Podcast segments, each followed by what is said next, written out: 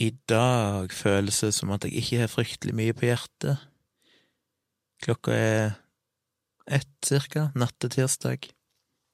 Det var en ganske lite begivenhetsrik dag. Hva heter det? En begivenhetsløs dag.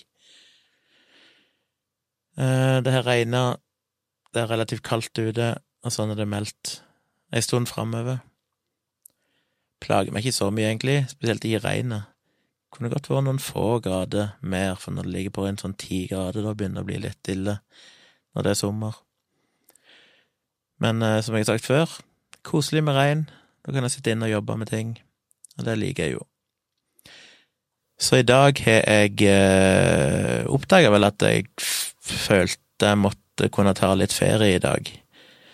Jeg frykter at det blir en del mer jobb seinere i sommer, kanskje, så kanskje jeg bør benytte anledningen til å ta litt ferie når jeg kan. Så i dag har jeg primært jobba med bilder. Jeg har organisert bilder, sletta, som jeg sa, prøvd å synkronisere ting, rydda alt mulig rart. Ufattelig hvor lang tid sånne ting tar. Nei, i hodet mitt tenker jeg i dag skal jeg gjøre det og det og det, men så plutselig er hele dagen gått, og så har jeg fått gjort litt av den første tingen. For det, når du jobber med data, og det er store filer og sånn, så er det fryktelig mye venting. Venting på at ting skal kopieres og slettes og Ja, det tar så mye tid. Men jeg liker det. Det er bare synd jeg ikke får gjort mer. Så jeg har redigert ferdig de bildene fra bursdagen til mormor og Tone. Um, tror det ble en del fine bilder der. Og så må jeg finne en måte å gjøre de tilgjengelige på. Og det trenger jeg egentlig eh, til min fotografvirksomhet òg. Jeg har jo lyst til å selge noen bilder, jeg har lyst til å ha en måte å distribuere bilder til andre når jeg har tatt bilder. Eh, det går alltid an å slenge ting opp i Dropbox, liksom, og si 'her er linken til en Dropbox', men det blir ikke helt det samme. Så jeg researcha litt og sjekka ut litt forskjellige tjenester. Det finnes jo mye sånne tjenester. Og endte opp med å rett og slett betale for en som virka veldig bra, fordi den hadde egentlig alt jeg ønska.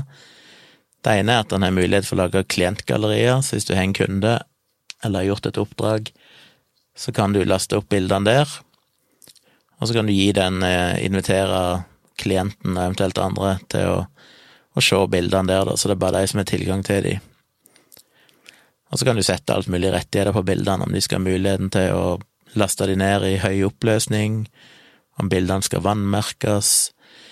Men viktigst av alt, som jeg synes var kult, er at denne eh, tjenesten som heter Picktime, pic-time.com, som jeg leser en del reviews, så virker som en av de der up and coming eh, Det var andre tjenester før som var store, som alle sånne bryllupsfotografer og sånn brukte. Men en del av de er litt sånn utdaterte nå. Så det er kommet noen nye aktører på markedet, og Picktime er en av de. Ikke helt ny, tror jeg, men uh, virker veldig bra. Og de tilbyr jo sånn enkel uh, at du kan printe bildene i alle mulige formater, og du kan bestille kalendere med bilder, du kan bestille album, og alt det syns jeg er litt topp. Jeg har jo tidligere snakket om dette med print, og det er jo mye styr hvis du skal Jeg mener det finnes jo sånn som Oslo Foto her i Oslo som printer, men det er så mye styr når du må det, Altså, det er jo så mange kombinasjoner av alternativer, forskjellige papirtyper, størrelse, rammer, du kan printe på aluminium, du kan printe på alt mulig rart. Og det å liksom skulle finne ut av alt det og gjøre det tilgjengelig, og så få en bestilling, og så måtte da videreformidle den bestillingen til Oslo Foto, for eksempel, og så få de til å printe den, og så må jeg gå og hente den, og så må jeg pakke den og sende den. Det er fryktelig mye jobb. Så det at denne her tjenesten hadde alt dette innebygd De fleste sånne tjenester har ofte akkurat det med printa bilder, mulighet for det, men det at de her òg hadde mulighet for å printe album og en del andre ting, det likte jeg. Og selv om det er en tjeneste som Jeg er litt usikker på hvor han holder til igjen, om det er i USA. Han tenkte jo det umiddelbart, men er det egentlig det? Ja, muligens USA. Så har de samarbeid med sånne eh, hva heter det, printbutikker, trykkerier, i hele verden. Så du kan egentlig uansett hvor du bor hen, nesten, så kan du bestille prints. Og det er jo en del jobb å sette opp, for da må jeg gå inn og velge de produktene som skal være tilgjengelige, og så må jeg gå inn og sjekke hvem som tilbyr de, alle forskjellige printshoppene rundt om i verden, eh, og de som kan levere til Norge, og så må jeg sjekke prisene. Men alt er jo relativt lett å gjøre inn i det systemet, da, for du bare velger for en på hvert produkt, så bare velger du for en rullegardinmeny hvilken eh, butikk, printbutikk du ønsker å bruke. Og da har de liksom i England og i Portugal, og noen står det bare Europa på, andre i Canada, forskjellige i USA. Men så varierer prisene veldig, av og til så mye at jeg blir litt sånn usikker. Sånn, bør jeg ta den billigste her, eller levere det crap? Og så hadde det vært greit å bruke én samme printen, printeren, til alle. Men det er ikke alle som tilbyr alle produkter, så det blir litt sånn forskjellig. Det har kanskje ikke så mye å si hvis noen vil bestille et bilde, så er det lett vett for deg hvor det kommer ifra. Men det er mange hensyn å ta, jeg må finne ut av det. Så må jeg finne ut hva jeg skal prise de til. Når du velger en sånn printbutikk, så kommer de opp hva de tar for det, og så kan du legge på et påslag så du tjener penger sjøl. Så kan du velge om eh, kunden skal betale frakten, eller om du skal ta frakten, eventuelt om du bare tar den billige frakten, men ikke tar det hvis det er sånn eh, ekspressfrakt, det er mange alternativer. Jeg tenker at det enkleste er kunden betaler frakten, så kan de sjøl velge hvordan de vil ha det frakta, hvor billig de vil gjøre det, uten at det skal gå via meg, for da blir det ekstremt komplisert, for da må jeg regne ut frakten for hver mulig bestilling som kommer, og nei, det blir for komplisert. Men det er jo vanskelig å vite. Jeg satser jo på at alle disse printshoppene er gode og leverer et bra resultat, selv om det sikkert er litt forskjell på dem, men det er jo umulig for meg å vite hvem som er de beste. Jeg søkte litt rundt og prøvde å lese noen reviews, men sånne tjenester er det nesten umulig å finne objektive reviews, for det er så mye De begynner med en eh, Kom inn på en nettside der de skriver de skal sammenligne enkelte tjenester men så kommer det jo så tydelig fram etter hvert at dette er en artikkel som basically de er sponsa for å ha skrevet for den ene av de, fordi tilfeldigvis er en sånn sponsa lenke der du får rabatt hvis du klikker deg inn via den lenka til akkurat den ene av de leverandørene. Og da føles det ikke så veldig objektivt lenger.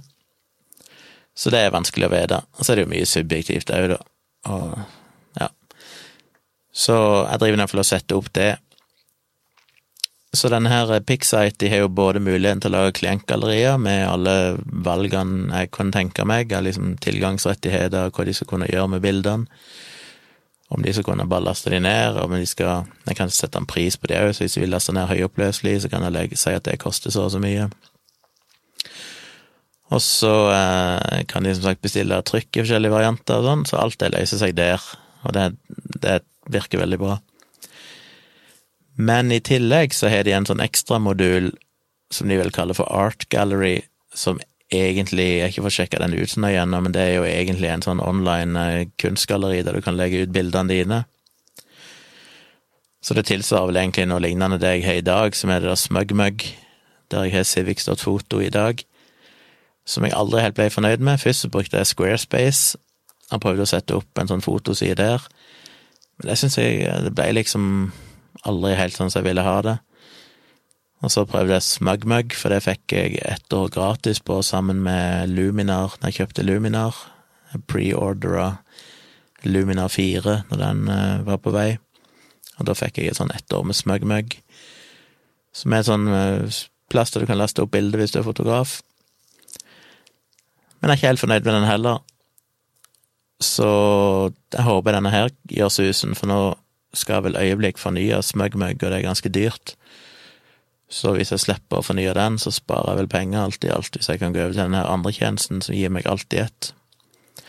Og det fine med den andre tjenesten, den Pixite, er jo at i dette Art Gallery, der jeg kan legge ut bildene mine, så kan jeg da velge at eh, bilder skal være mulig å bestille som print.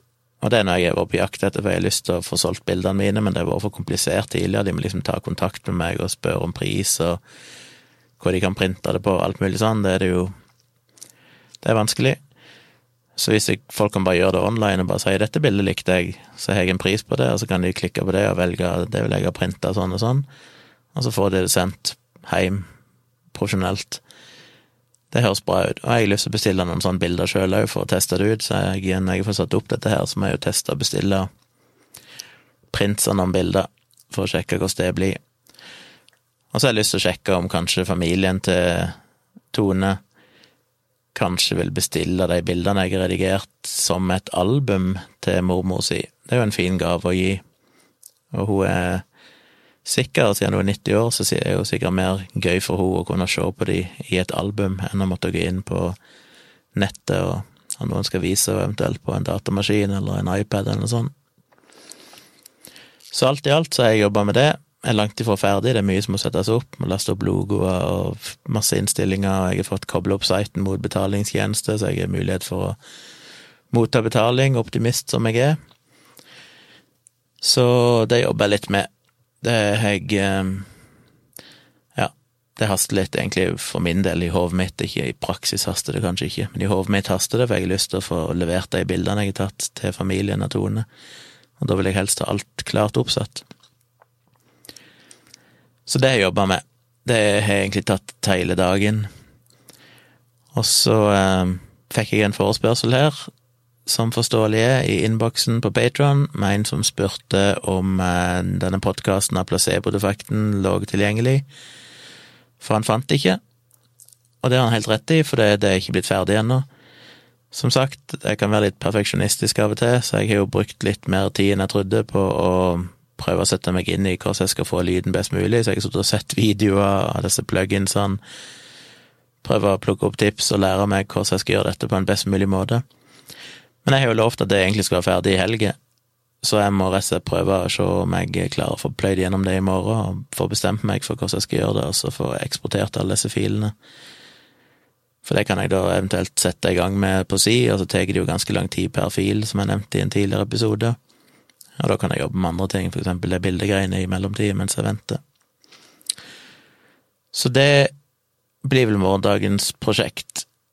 På onsdag morgen så skal jeg til øre-nese-halslege for å få sjekka mitt tette øre eh, og min tette nese.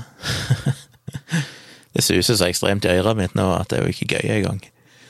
Det er sånn kontinuerlig, så er det en sånn eh, radiokanal, radio mellom to kanaler, som står og suser relativt høyt.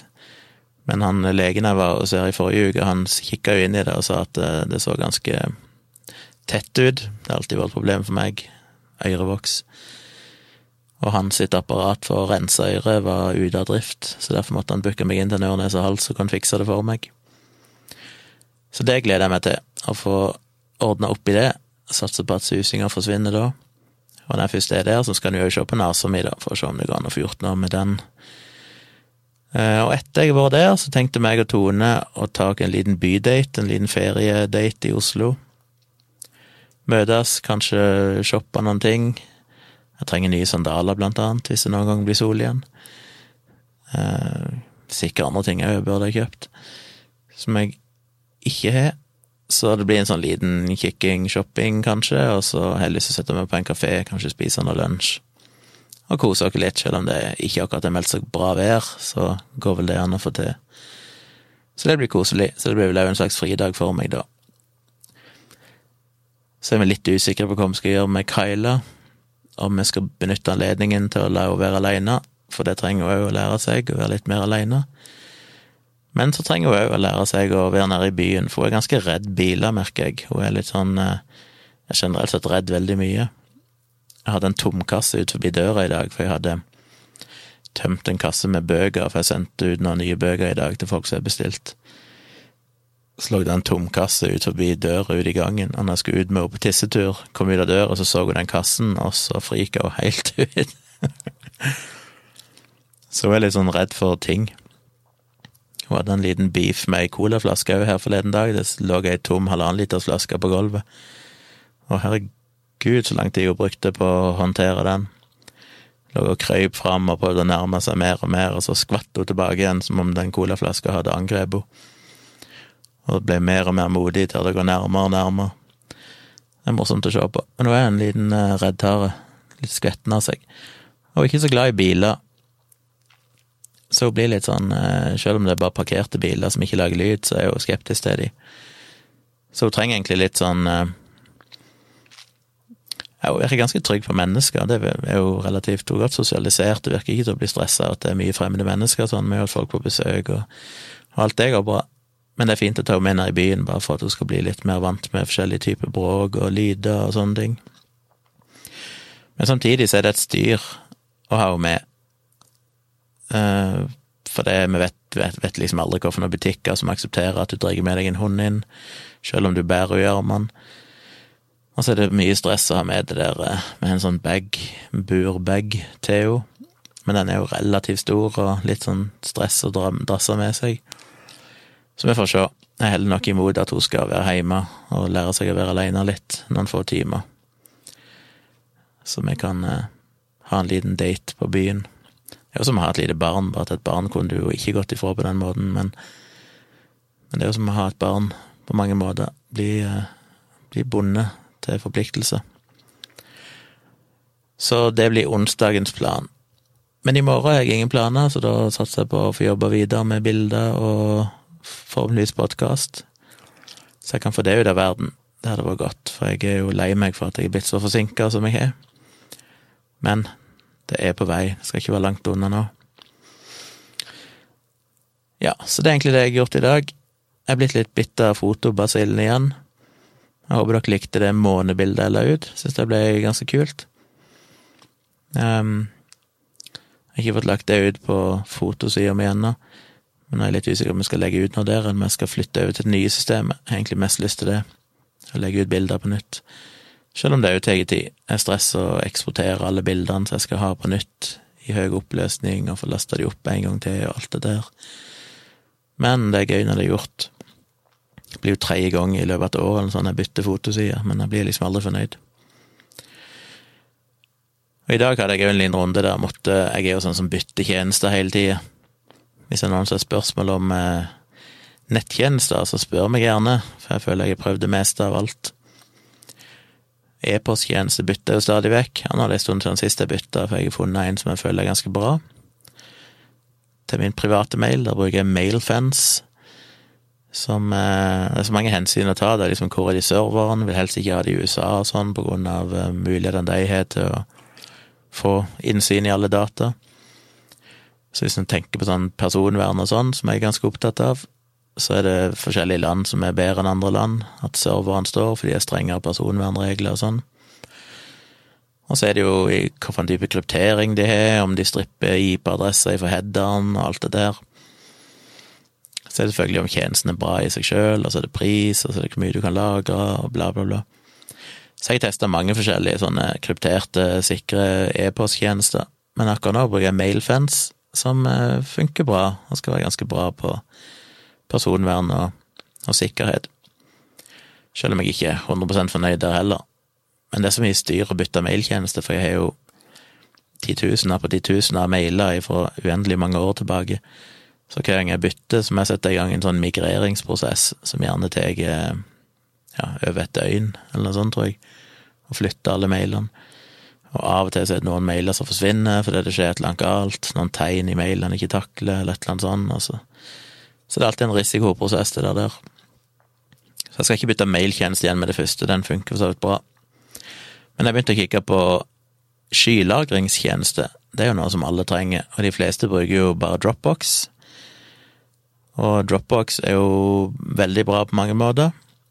Og jeg bruker jo Dropbox som en ekstratjeneste, og det er primært bare fordi Dropbox er jo det som er en slags standard hvis du har programmer sånn som lagrer ting i clouden og trenger at du gir de tilgang, så er det jo gjerne Dropbox de er støtte for. Eller hvis du skal dele filer med andre, eller andre deler filer med deg, så må du gjerne ha en Dropbox-konto av og til. Ikke til alt, men til noen ting. Så det er kjekt å ha Dropbox. Så der betaler jeg for en ganske stor konto. Jeg har en sånn pro, jeg vet ikke hva de kaller det lenger, om det er professional eller pro eller noe sånt, med tror jeg et par terabyte eller noe sånt der. Og Dropbox er jo blitt mye bedre nå de siste årene, som de er, gjør det mulig å ikke lenger lagre ting lokalt, at du kan dytte ting inn i Dropbox, og så blir det bare liggende i clouden uten å ta plass på disken din. I starten så var det jo bare sånn én-til-én-synkronisering, så det du hadde på disken, det ble jo synka til Dropbox, men du måtte liksom ha det begge plassene. Og så etter hvert så kunne du velge sånn selektiv synk. Du kunne velge at enkelte mapper skulle kunne ligge i clouden. Mens nå har de gjort det mer gjennomsiktig, nå kan du velge basically at alt skal bare ligge i clouden, og når du aksesserer det, så blir det automatisk. Så downloader den det bare, men du skal åpne ei fil, så bare henter den ned fra clouden, liksom usynlig. Så alt det er veldig bra. Problemet er jo bare at Dropbox er jo ikke kryptert på noe vis. Så hvis noen hacker Dropbox, så er det jo tilgang til alle filene dine som ligger der. Så jeg liker å ha en, eh, en annen tjeneste òg, der jeg kan ha mer personlige dokumenter som jeg ikke ønsker skal komme, på arbeidet. Jeg har jo en del sånne dokumenter knytta til jobben, med alt ifra arbeidsavtaler til ja, sånne dokumenter som er knytta til ansatte, og som er konfidensielle og sånne ting. Og det liker jeg å ha på en sikker plass. Og der har jeg òg testa mye forskjellig. Jeg brukte noe som for Tresorit ganske lenge, som var relativt bra, men var ganske tungvint å bruke. Nå husker jeg ikke alle, jeg har brukt fire-fem forskjellige sånne cloud-tjenester. Men det jeg har brukt i det siste, som jeg har brukt nå i to, tre, fire år eller noe sånt, og egentlig er veldig fornøyd med, det er rett og slett sync.com. Uh, som har Ja, før det så brukte jeg vel Pcloud. Og Pcloud likte jeg òg veldig godt. For de jo en sånn fin oppdeling at du kan ha noe som er synkronisert med datamaskinen, og så kan du ha andre ting som bare ligger i en vault, som de kaller det, som du basically bare laster opp, og så ligger det bare i clouden. Men det, du har det ikke på disken din. Men Pcloud var litt som Dropbox, det var ikke i utgangspunktet kryptert, men du kunne betale for en sånn Pcloud krypto, som kosta litt ekstra hver måned. Men det måtte du liksom jeg sa det funka, du måtte velge det per mappe, liksom at denne mappa skulle være kryptert og sånn. Det, det, blir for tungvint igjen. Jeg vil at ting skal bare være automatisk kryptert, uten at jeg må tenke på det. Så sync.com er sånn sett veldig bra. Eh, ganske billig, for mye lagringsplass. Der har jeg vel en 500 gigabyte som foreløpig holder.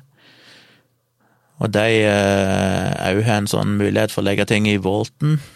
Ja, det var kanskje det jeg sa i stad. De har en mulighet for å legge ting i Volten som er en sånn safe på nettet, alt jeg si, som bare ligger der og ikke noe annet sted, og er kryptert. Og så kan du jo synke ting med datamaskinen, akkurat som Dropbox, men det er jo kryptert, så alt er kryptert uansett. Og med kryptert så mener jeg da det de kaller for eh, klientsidekryptering, eller hva de kaller det, zero knowledge encryption. Som basically betyr at eh, for eksempel hvis Dropbox sier at det er kryptert, så mener de bare at idet du overfører filene, så er forbindelsen kryptert så ingen kan i teorien avlytte trafikken mellom din maskin og Dropbox. Men hvis du laster opp ei fil, så er han kryptert mens han blir lasta opp, men når han blir lagra hos Dropbox, så er han jo ikke kryptert lenger. Så hvis noen hacker Dropbox, eller en eller annen ansatt der finner ut han skal snoke på filene dine, så kan de gjøre det. Så det er jo selvfølgelig ansatte i Dropbox som har tilgang, sannsynligvis, til det meste av det som ligger der, selv om de forhåpentligvis og sannsynligvis har strenge regler for tilgang og sånne ting. Så kan de teknisk sett det, mens med sånn som synk.com, så kan de ikke det, for der blir filene kryptert med mitt personlige passord på min maskin før de lastes opp, og da ligger de kryptert hos synk.com. Som så noen ansatte hos synk.com, eller noen eh, skulle ha lyst til å snoke, eller noen hacker synk.com og får tilgang til alle filene deres, så hjelper ikke det, fordi de er kryptert med et passord som bare jeg kjenner til. Det er et passord som jeg ikke skriver inn hos det hos synk.com, eh, så det blir bare kryptert på, på denne sida av forbindelsen. Men jeg blir litt sånn, etter en stund så er det alltid småting jeg irriterer meg over med alle tjenester, det er jo ingen tjenester som er perfekte. Og så tenker jeg alltid kanskje det kom noe bedre og nytt siden sist, så jeg måtte gjøre et lite Google-søk, men det jeg fant ut, var vel egentlig at synk.com fortsatt var det som var best, så da fortsetter jeg med det inntil videre. Så det er et tips. Hvis dere vil ha en tjeneste som er vesentlig bedre enn Dropbox med tanke på personvern og sikkerhet, så er sync.com et godt alternativ. Og mailfence.com hvis dere vil ha en god e-posttjeneste som er kryptert og, og sikker. Og allikevel støtte IMAP og sånne ting, som dere kan fortsatt bruke en e-postklient hvis dere ønsker det. Men de er jo et webinterface hvis du vil gjøre ting bare i nettleseren. I tillegg så har jeg òg en uh, Protonmail-konto. Og Protonmail er jo den aller best, beste, hvis, hvis, du tenker som personvern og kryptering. Men der kan du ikke, nettopp pga. personvern og kryptering og sånne ting, så kan du ikke uten videre bruke en vanlig e-postklient. Du kan liksom ikke sette opp uh, mailklienten på en Mac eller Outlook eller noe sånt og hente mail ifra ProtonMail, fordi der ligger bare alt kryptert, og du kan bare få tilgang til det enten via mobilappen deres eller via å logge inn på nettet, da. Og da må du logge inn med to passord, én som først identifiserer deg med din vanlige login, brukernavn og passord, og når du kommer forbi det, så må du oppgi et nytt passord igjen, som er det som faktisk krypterer mailen på serveren deres. Eh, så det er liksom samme opplegget, da, at det er, ja, det er kryptert og veldig bra. Så har de vel i nyere tid lansert en sånn plug-in så du kan installere et eller annet på maskinen din som gjør at du kan hente mailen via en vanlig e-postklient. Da oppretter han en sånn VPN-forbindelse, tror jeg, til ProtonMail sine servere og overfører mailen via det igjen, men det blir igjen tungvint og mye teknisk styr. Så jeg har en ProtonMail-konto som jeg har testa, som jeg kan bruke hvis jeg skal ha et eller annet der, bare i mailklienten. Som jeg kan bruke hvis jeg registrerer meg på tjenester der jeg vil ha en anonym mail. Så kan jeg gjerne bare bruke Proton-mailen min, for da ligger den der, og det er ikke noe jeg trenger å ha tilgang til, anten hvis jeg skal bare få en bekreftelsesmail eller et eller annet sånt. I tillegg så oppdager jeg en tjeneste som jeg har hørt, nesten ikke har hørt noen andre omtale, som er veldig rart, men det er en som heter messagesafe.io, og det staves msgsafe, altså msgsafe.io. Som òg er en sånn veldig sikker tjeneste som har servere på ei eller annen, et bitte lite land borti Sør-Amerika et sted, eller sånn, eller ei øy eller sånn borti Sør-Amerika som skal ha visstnok kanskje verdens beste sånn personvernlover. Og det er en veldig sexy tjeneste. ProtonMail ser jo jækla primitiv ut. Den er jo liksom så ut som ble designa på 90-tallet. MessageSafe er veldig, veldig moderne. Og det som er fint med MessageSafe, er at der kan du opprette mange kontoer. Så du kan ha én konto. Er han gratis? Jeg husker ikke om han er gratis, eller om jeg betaler bitte, bitte grann. Det er veldig billig i så fall. Noen få dollar i året, eller noe sånt. Jeg husker ikke helt. Men der kan du opprette mange kontoer, så du kan liksom ha en innloggingskonto, men der kan du inni der igjen så kan du opprette mange e-postadresser på forskjellige domener. Og de har en sånn lang liste med domener du kan velge mellom. Så hvis du bare trenger masse e-postadresser til sånn bruk og kast for å registrere deg på ting, eh, så du ikke ønsker at folk skal få e-postadressen din, skal du registrere deg på ei nettside eller bestille et eller annet eller sånt, og bare vil ha muligheten til å få mailen, men du vil ikke at de skal kunne spamme din vanlige e-postadresse etterpå, så er det en grei tjeneste å ha. Så der kan du gjøre det, og så har de innebygd noe sånn, jeg har ikke testa det enten helt i starten, men de hadde vel en sånn litt fancy greie at hvis du går inn på en mail, så kan du opp sånn verdenskart, og så kan du se hvor mailen kommer ifra, for han sporer IP-en til avsenderen og sånn, og viser hvordan mailen har beveget seg fra server til server fram til der du er og sånn. En del sånn fancy ting. Så det er jo en tjeneste jeg har bare for å ha, liksom, i tilfelle jeg skulle trenge en, eh, en brukerkast e-postadresse i ny og ne til å registrere meg på et eller annet. Så det finnes en del sånne tjenester, og jeg har testa mange, mange andre. Og det finnes mange sikre, gode mailservere, men en del av de er ikke sånn veldig Noen av de er tungvinte og dårlig webinterface og ja, alltid noen svakheter. Så det brukte jeg òg bitte grann tid på ca. fem minutter i dag bare på å google fort om det var noe bedre alternativ til synk.com. Men ellers er jeg stort sett fornøyd med tjenestene jeg bruker. Jeg har jo en tendens til å være rastløs, og eneste jeg aldri blir fornøyd med, det er jo e-postklienten. Akkurat nå bruker jeg Postbox, er den eh, klient til Mac-en, muligens til Windows òg, som heter. Som jeg har brukt tidligere i perioder, og så har jeg dumpa det, og så har jeg gått ut noe annet, og så har jeg gått tilbake til Postbox litt og sånn. Det jeg liker med Postbox, at det er en veldig sånn gammeldags han er ganske moderne i grensesnitt, han ser fresh og fin ut, men konseptet er veldig gammeldags. Det er liksom bare en hardcore e-postklient av den gode, gamle sorten, der du kan gjøre alt. Eh, I mange år så brukte jeg Spark, som er en e-postklient til Mac-en, som jeg likte veldig godt, for den hadde en veldig, veldig bra mobilklient og en veldig bra Mac-klient, som var ryddig og fin og sexy og alt mulig. Problemet med den som med en del andre, er at de skal på en måte simplifisere, forenkle mail, sånn at de gjemmer vekk en del muligheter som det rett og slett ikke er mulig å gjøre. Hvis jeg eksempel vil se headeren i mailen for å se all den tekniske informasjonen som ligger i headeren på en mail, så var ikke det mulig der uten å laste ned hele råfilet til mailen, liksom som ei fil, og så åpne filer og sånn. Det var veldig tungvint.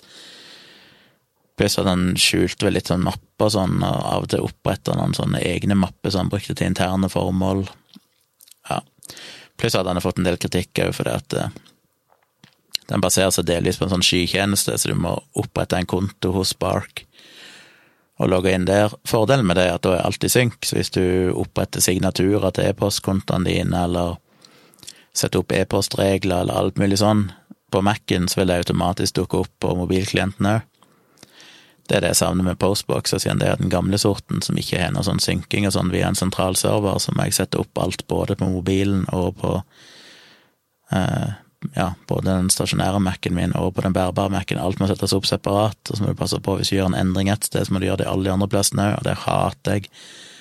Jeg hater tjenester som ikke automatisk synker mellom alle enhetene du bruker. Men jeg har ikke funnet noen god mailklient akkurat nå som både ivaretar det, og samtidig òg gir deg all funksjonalitet som jeg ønsker mail skal ha, sånn som jeg er vokst opp med mail fra 90-tallet, der mail var en traust og god, gammel tjeneste i dag så prøver alle å kamuflere mail i noe annet, gjøre det noe mer sexy, men det gjør det at du mister mye funksjonalitet. Og jeg liker å ha en e-postklient, jeg kunne selvfølgelig bare brukt gmailen sånn, men jeg vil helst ikke ha Vi bruker jo gmail til jobb, eh, men eh, ikke på gmailadresser, da, for vi har jo et sånn Google Apps, det ikke dette? Nei, Google et eller annet, så at du kan knytte opp ditt firmadomene sånn, så han bruker egentlig gmail, men det er det ingen som ser. Men jeg har ikke lyst til å bruke det privat, for da vil jeg ha mailfans. Så jeg vil ha en eller annen klient som kan snakke med i vanlig IMAP, som heter den protokollen som du henter mail med, og SMTP for å sende mail. Eh, så hvis noen har gode tips, så send meg gjerne det, selv om det vil overraske meg om jeg ikke har testa det før, for jeg har jo sjekka alt som finnes av liste og oversikt over mailklienter, gjør det fire ganger i år eller noe sånt for å se om det er kommet noe nytt, og ikke funnet noe som egentlig tilfredsstiller alle mine ønsker. Jeg var veldig glad i å snuse mailer før. Hvis du fikk en mail som visste at den her er ikke tid til å forholde meg til nå, men jeg kan se på den i morgen eller senere i dag, så kan du snuse den, altså utsette den. Og det funker aldri heller helt 100% med Spark. Den har en tendens til at du snuser en mail, men så kommer den plutselig tilbake igjen for tidlig, eller så dukker den opp på mobilen, selv om den egentlig skulle være snusa der. og så det funker aldri helt 100% Men den eh, funksjonaliteten har ikke Postbox, og Postbox er som sagt bare e-post, sånn som e-post er, uten alle de nye fancy tilleggene. Eh, så det savner jeg litt. Så det er liksom enten eller. Enten må du ha en gammel, traurig eh, og traust e-postklient som gjør alt, men da mister du mye av den moderne funksjonaliteten, som synkronisering mellom enheter og sånn.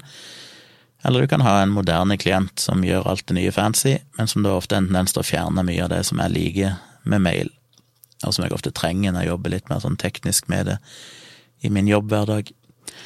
Så det er ikke lett. Men eh, det var det jeg hadde på hjertet, atter en litt teknisk episode med nerding.